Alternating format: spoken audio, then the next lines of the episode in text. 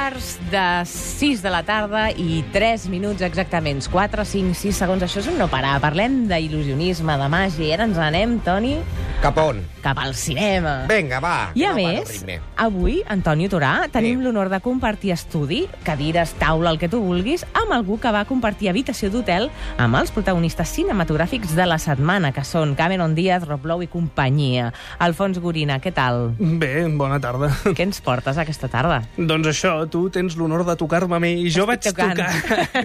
és una cadena de tocar. Espera, calla. Sí, sí, sí, sí. Oh, collons. Mira. Ah. De compartir aquesta habitació perquè van venir a promocionar la pel·lícula a Barcelona amb una mena de congrés professional que, que hi ha, parlem de la pel·lícula Sex Tape, i el que et puc dir és que ja entenc per què es mm, conserven tan bé, perquè posen les habitacions a menys 30 sota zero, literalment, tots els periodistes estan congelats i ells tan tranquils, i clar, és que així ni suen, ni arruguen, ni, ni res, vaja.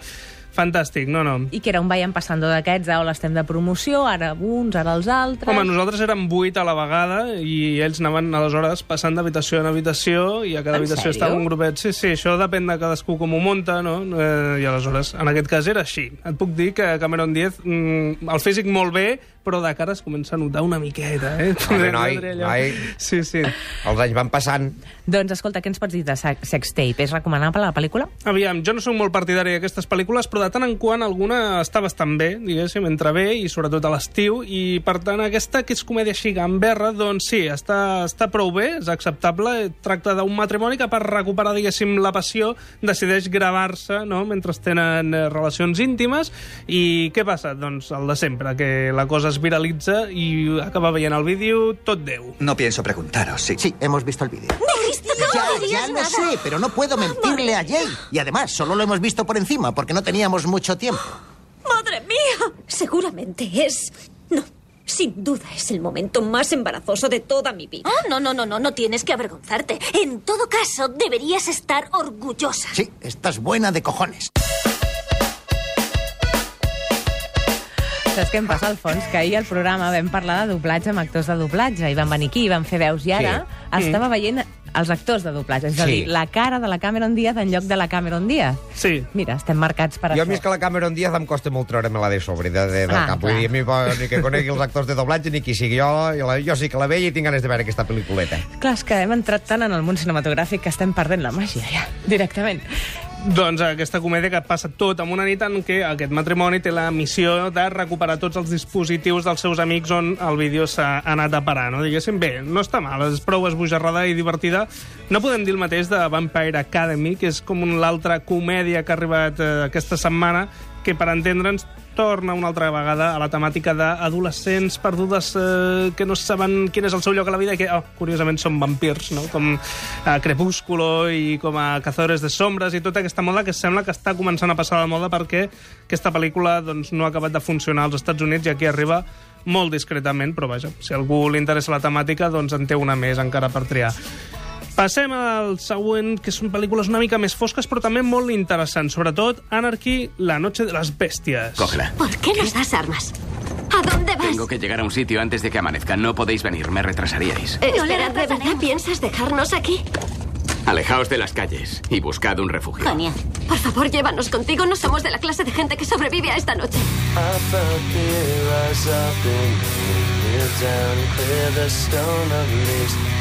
Val, doncs aquesta és la segona part d'una pel·lícula que es va estrenar fa dos anys que es deia La Purga, que tenia un plantejament molt violent però molt original també, i és que un dia a l'any, per entendre'ns als Estats Units, és legal matar a qui vulguis perquè així aconsegueixen reduir eh, la delinqüència tota la resta de l'any, perquè tothom té un dia per purgar-se. Com, per, Com el carnaval, no? Com el Sí. carnaval, però a, a lo bèstia, a sang i fetge. Sí, sí, sí, pràcticament.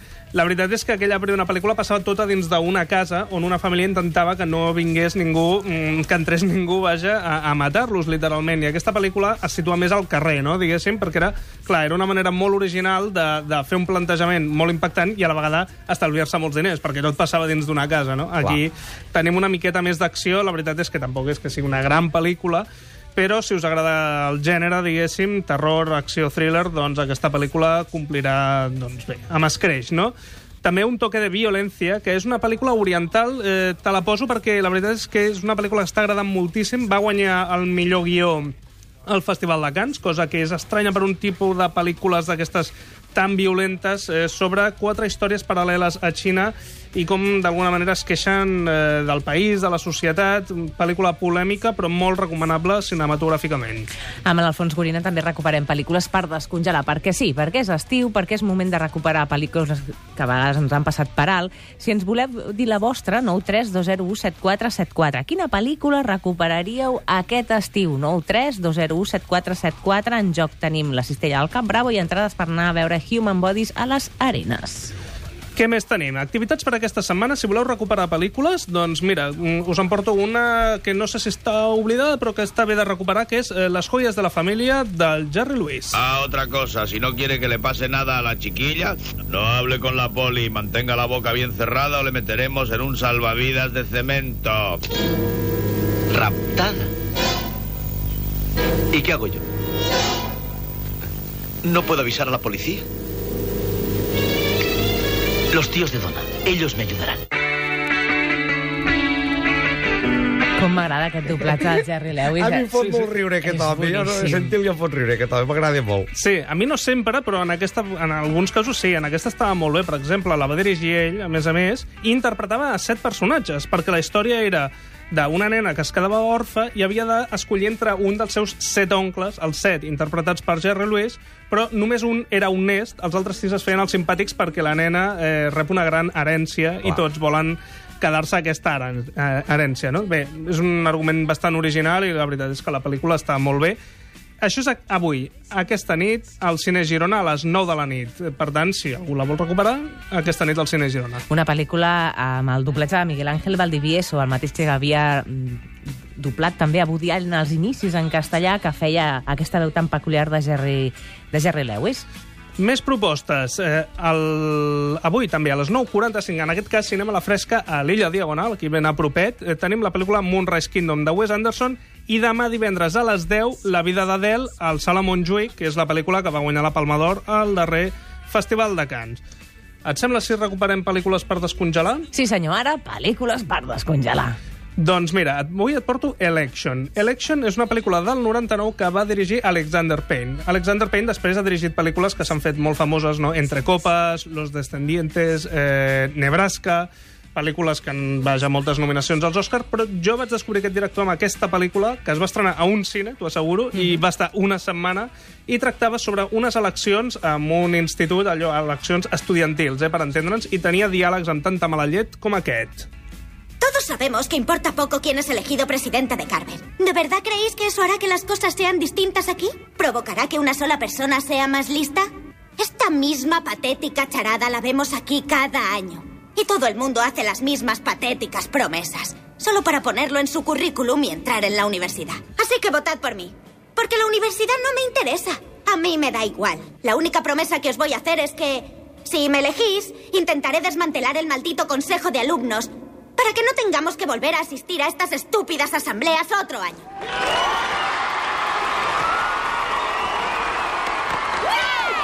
Te lo dije. Sí, esa putita nos ha puesto en ridículo. La quiero fuera de las elecciones. No, i clar, és una pel·lícula amb molta mala llet perquè a través, a partir d'aquestes eleccions, doncs, aprofitar com parlar de com és la societat americana amb tots aquests temes, amb la hipocresia, no? I bé, la pel·lícula està protagonitzada per Matthew Broderick i Reese Witherspoon, que era molt jove quan va fer aquesta pel·lícula i era de les primeres vegades que la veiem, i bé, és una pel·lícula amb una mala llet, però també mm, t'arrenca riures perquè té escenes de gags més físics, per entendre'ns, de cine d'humor clàssic de tota la vida, i està molt bé, Election, eh? Jo us recomano que la recupereu. Abans de marxar també, recuperem alguna sèrie perquè potser per a molts és bon moment per veure sèries a la televisió.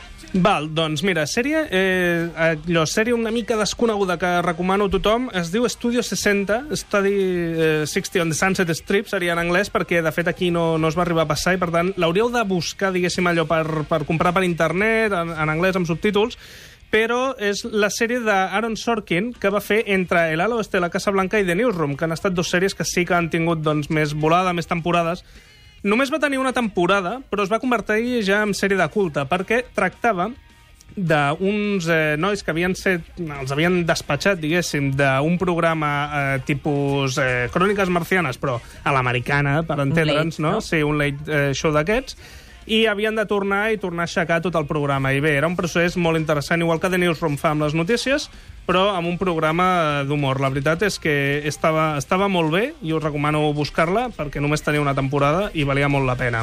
Elisabet, bona tarda. Hola, què tal? Des d'on truques? Barcelona. Uh, quina pel·lícula o sèrie voldries recuperar, tu? Mira, yo lo que el viento se llevó es algo, es una película que, que gusta a cualquiera y es una película fantástica. Doncs escolta, tenim una curiositat històrica al voltant de la pel·lícula que ara mateix ens l'explica l'Alfons.